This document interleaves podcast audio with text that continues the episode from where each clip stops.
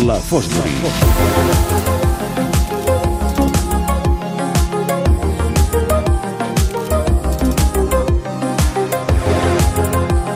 Arriba el moment dels dimarts, el moment més esperat dels dimarts, arriba la Fosbury. Avui avancem un dels temes que sortirà el nou número de la revista Fosbury i també el seu contingut central. El tema que n'és el fil conductor. Roger Castillo, bona nit. Bona nit, Pere. Aviam, de què em parles? Et parlo d'aquest número de la Fosbury. A partir de demà o de demà passat ja es podrà consultar. Per tant, avui fem aquesta primícia que va El en aquest 12. programa. Número 12 ja. Uh, la temporada regular, que és aquest espai central de la revista, allà on dediquem més continguts, doncs en aquest cas parlem de gimnàstica, artística, rítmica, aeròbica, de trampolí, històries d'aquí, d'arreu del món, per donar i per vendre, reportatges, Hi ha entrevistes... moltes, eh, de gimnàstica, n'hi ha, Hi ha molt moltes xules, eh? històries i molt, i molt xules i ha costat molt difícil en aquest cas doncs, a triar eh, aquelles que volíem doncs, intentar donar a conèixer eh, a tota la gent doncs, que li agrada aquest esport i a tota la gent que li agradarà aquest esport després de llegir aquestes històries que serà molta, sens dubte. De totes elles, com sempre, aquí hem de fer una selecció i avui us en portem una que ens fa viatjar cap als Estats Units, ens fa viatjar cap a principis dels anys 80, per tant és una història recent. L'any 1981, concretament el 30 de setembre, és quan neix la Dominique Elena Moceanu, que és la nostra primera protagonista. Tindrem dos protagonistes i que aniran entrellaçades, ja ho veureu.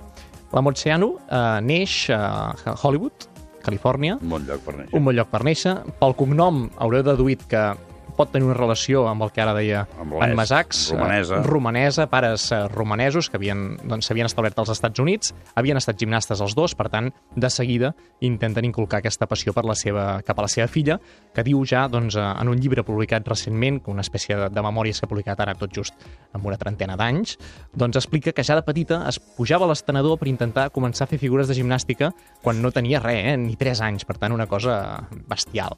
Amb 3 anyets ja entra al gimnàs, al seu primer gimnàs, a Illinois, comença a progressar, té molt de talent, té molta constància, els seus pares hi ha una dedicació al darrere molt bèstia, els seus pares acaben creant un gimnàs, eh, perquè ens entenguem doncs, de que ho viuen amb molta passió, i als 10 anyets ja se'n va cap a Texas. Se'n va cap allà perquè hi ha una parella d'entrenadors que és eh, molt reconeguda, llegendària, són la Marta i, la, i, la, i el Vela eh, Caroli, són dos eh, entrenadors de l'Europa de l'Est que havien estat doncs, els grans entrenadors de Nàdia Comaneci en el Eh. seu moment, eh, per tant, dos persones llegendàries. Mm, Ella doncs, eh, aprofita doncs, el seu talent, la seu, el seu esforç, totes les indicacions que li donen, tot i que anys més tard reconeixeria que els seus entrenaments eren inhumans, que eren una autèntica bestiesa i que allò era Eren- insuportable. eren de l'est. Eren d'aquest estil que amb tants esports els hem conegut Mm. i tenim algunes icones clàssiques de molts Sí. esports diferents. Doncs bé, en el seu cas, la cosa funciona, ja sigui doncs, per aquesta exigència o bé pel seu talent, i amb, amb amb 11 anyets ja comença a destacar. Jocs Panamericans Júniors, s'endú 4 ors i una plata, la gent es comença a fixar amb qui és aquesta Dominic Moceanu. L'any 95, amb tot just 13-14 anys, és l'any de la seva eclosió, de fet, és una eclosió bestial. Guanya el títol júnior estatal dels Estats Units, però és que poques setmanes més tard s'endú el títol sènior absolut. 13 anys, és la gimnasta més jove de la història dels Estats Units que s'endú el títol de campiona, la gimnasta més completa perquè guanya l'exercici complet, per tant, és la millor gimnasta del país a l'any 95. Això li permet viatjar cap al Japó, cap a Sabae, allà es disputen els campionats del món, i allà mateix ella doncs, eclipsa a totes les altres estrelles, a- a Miller, per exemple, a Davis, eren dos grans estrelles dels Estats Units en gimnàstica, les eclipsa absolutament, passa a ser l'estrella de l'equip, s'endú una medalla de plata en barra d'equilibri, una medalla de bronze eh, per equips, i tothom es comença a fixar en qui és aquesta jove gimnasta que acaba de fer els 14 anys, que acaba de portar-nos una medalla cap a casa del Japó i que, a més a més, doncs, eh, traspassa una, una imatge, una qualitat, una, una, una mirada ho té tot perquè tothom es fixi en ella. Passa a ser una ídol de masses, però no ho dic per exagerar, és una, es pot constatar autènticament. Portada del Vanity Fair amb 14 anyets. I atenció, una autobiografia que li redacten als seus 14 anys Amb 14 anys. Dominic Molceanu, la campiona americana. El, el llistat de vendes dels Estats Units, el rànquing eh, setè més venut de, de l'any. Eh, Per tant, estem parlant d'un autèntic fenomen de Sí, un masses. fenomen, sí. Això és l'any 95, finals d'any 95. A partir d'aquí, la cosa canvia. El 96, que havia ser l'any de la seva eh, consolidació absoluta en l'elit, és l'any dels Jocs Olímpics que juguen a casa, a Atlanta, per tant ha de brillar sí o sí, es lesiona en les classificatòries. Una lesió a la tíbia dreta, una fractura d'estrès clàssica, que li impedeix doncs, participar, però la federació decideix convidar-la. Escolta, aquesta dona ha estat portada al Manitifer amb 14 anys, ha d'estar sí o sí en aquestes Olimpiades, que ens juguem tant, i, eh, tot i estar amb una cama embenada, participa als Jocs Olímpics d'Atlanta, guanya una medalla d'or, és la medalla d'or per equips, forma part d'un equip d'una generació mítica que és les Set Magnífiques, les primeres en guanyar un or pels Estats Units en una competició gimnàstica artística per equips, i en els, exercicis individuals no acaba de rendir del tot, és quarta en l'exercici de terra, novena en l'exercici complet, dic no rendir del tot perquè són resultats excel·lents i bestials per qualsevol gimnasta que s'ho plantegi, però en el seu cas doncs, la cosa davant del boom eh, quedava una mica curta.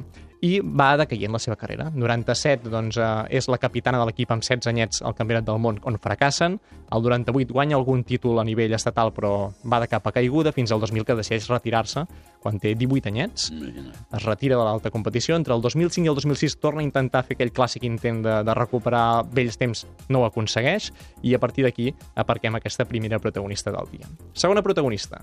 Aquesta és la ídol, parlem d'una fan. Una autèntica fan que es diu Jennifer Breiker, neix el 87, per tant 6 anys més joveneta que ella, també té un origen romanès i té una infància molt, molt, molt difícil. Els seus pares l'abandonen tot just néixer i passa amb una família de pares adoptius. Per què? Perquè neix sense cames. Neix sense cama dreta i neix sense cama esquerra. Una situació complicadíssima, per tant, una història de superació personal espectacular d'una persona que engega la tele, veu la nostra protagonista inicial, la veu a la tele, la veu tan, tan, fer aquells exercicis tan bestials i decideix imitar-la, decideix seguir el seu rumb. De tal manera que quan és petita comença gimnàstica. Llit elàstic a casa perquè pugui practicar. I a partir d'aquí, patapam, patapam, patapam. Campionats regionals, campionats estatals. Ella va competint, arriba a l'Olimpíada Júnior l'any 98, Sense cames. sense cames, participa a la prova de trampolí, queda quarta. És, és que és no, Trampolí no meritori. E- És espectacular. És que és espectacular el que fa aquesta, aquesta noia, que a dia d'avui, que té doncs, 27-28 anys, eh, està, està vivint, de, vivint de la gimnàstica. És eh, una acròbata, és, eh, fa sobretot exercicis aeris, ara vol ser ballarina i està estudiant doncs, eh, per ser ballarina, i és una autèntica història, ja no d'èxit en l'esport, sinó d'èxit en la vida espectacular. vida, en la perquè vida. s'ha de dir així, en, en paraules majúscules.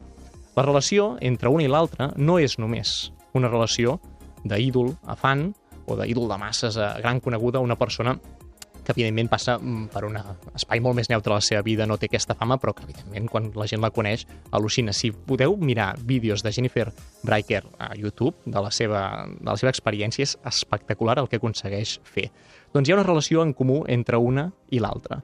I és una relació que intentaré explicar a través d'una carta que li envia Jennifer Breiker quan ja és força, força gran, l'any 2007, al desembre, envia una carta a la, a la, seva, doncs, a la seva ídol, a Dominica Moceanu, li envia una carta on li explica que ella va començar a fer gimnàstica quan era petita, perquè la veia per la tele, perquè es fixava en ella, perquè la veia fer aquells exercicis, ella també tenia ganes de fer aquells exercicis, tenia origen romanès i ella es fixava en això, però, més enllà de tots aquests factors on intenta doncs, explicar-li, hi ha un motiu de pes essencial. I és que li explica a Dominic Moceanu que si tot hagués anat com hauria hagut d'anar, Jennifer Breiker hauria estat una Moceanu més. Perquè Jennifer Breiker era germana de Dominic Moceanu. Els pares que van abandonar-la eren els pares de Dominic Moceanu. I anys després ella ho va ser, quan ja era gran, els seus pares adoptius, doncs, eh, en una certa edat, doncs, van decidir explicar-li eh, que el cognom Moceanu era el que doncs, eh, provenia dels seus pares eh, biològics. Ella va fer quatre investigacions i va contactar finalment, després d'uns anys de pensar-s'ho si contactar o no, O sigui amb la seva ídol. Eren germanes i, i ho va veure claríssim amb una altra foto d'altra germana que tenia, que s'assemblen moltíssim, i van contactar, Dominic Moceanu li va respondre, van quedar, es veuen sovint amb regularitat a dia d'avui, i això doncs, ha, ha traspassat, diguéssim, tota aquesta història que ella mateixa deia doncs, que, clar, no s'ho podia creure perquè era una història de Hollywood, allà on havia nascut És una Dominic. Hollywood. És una història de És una història espectacular. Ha fet un llibre eh, de memòries, ara sí que ben fet, la pròpia Dominic Moceanu, on explica tota aquesta relació, la seva germana secreta, la història de la germana secreta, Dominic Moceanu, que va tenir molts problemes amb els seus pares, eh, més enllà doncs, que apostessin per ella petita per la gimnasta, anys més tard els va haver de denunciar i van anar a judici doncs, perquè s'havien fet càrrec eh, amb malversació de fons dels seus propis ingressos generats com a gimnasta Això em sona i, alguna cosa. i a partir no d'aquí, diguéssim, la història és aquelles eh, dures, molt dures, però per Jennifer Breiker, imagineu-vos la sensació de conèixer que aquella ídol, aquella persona que havia aconseguit que ella, doncs, malgrat no tenir cames, es dediqués a la gimnàstica, doncs, eh, fos la seva germana. És que és una cosa bestial. absolutament bestial. Escolta, quin, quin moment Fosbury has triat per aquesta setmana? Bé, doncs com que estem parlant de gimnàstica artística, sense entrar a aquestes històries tan bèsties, eh, sí que tenim una cita d'aquí a pocs dies, de, comença el 13 d'abril, per tant dilluns que ve, i n'hem d'estar molt pendents, és l'europeu de gimnàstica artística, el campionat del món encara ens queda lluny, sempre arriba doncs, a final d'any, cap al mes d'octubre aproximadament, però en aquest europeu intentarem doncs, eh, seguir els gimnastes d'aquí, que tenen alguna, alguna opció de veure com, com destaquen un any abans dels Jocs Olímpics de, doncs, de, de Rio, per tant estarem molt pendents del que puguin fer en aquests europeus. Això, el número 12, ja haguessis pogut aprofitar per fer alguna del màster d'Augusta, que comença aquest cap de setmana, uh, però ja veig que no. Un dia parlarem de golf, un dia parlarem de golf. El t'asseguro. número 13. Però aquest dia m'hauràs d'explicar tota la història. No, no, no. El número 13. El número 13 és el número de la mala sort. Sí. Per molta gent. Per mi no, eh? Per mi és, a Ah, és un número bonic. Per mi m'agrada molt aquest Sí. número per moltes coses. I coses Digue-li la gent que té 13 anys que és de mala sort. Sí, exacte. Però eh, penseu relacionar amb la revista o no? El número 13 eh, tenim el tema ja tancat i de fet moltes de les històries ja estan en camí i no va de golf, això ja t'ho dic. No, això ja m'ho imagino. Va d'un esport també concret. No em diràs quin. No, encara no. Us haureu d'esperar, doncs. Molt bé. Gràcies, Roger. Que vagi bé.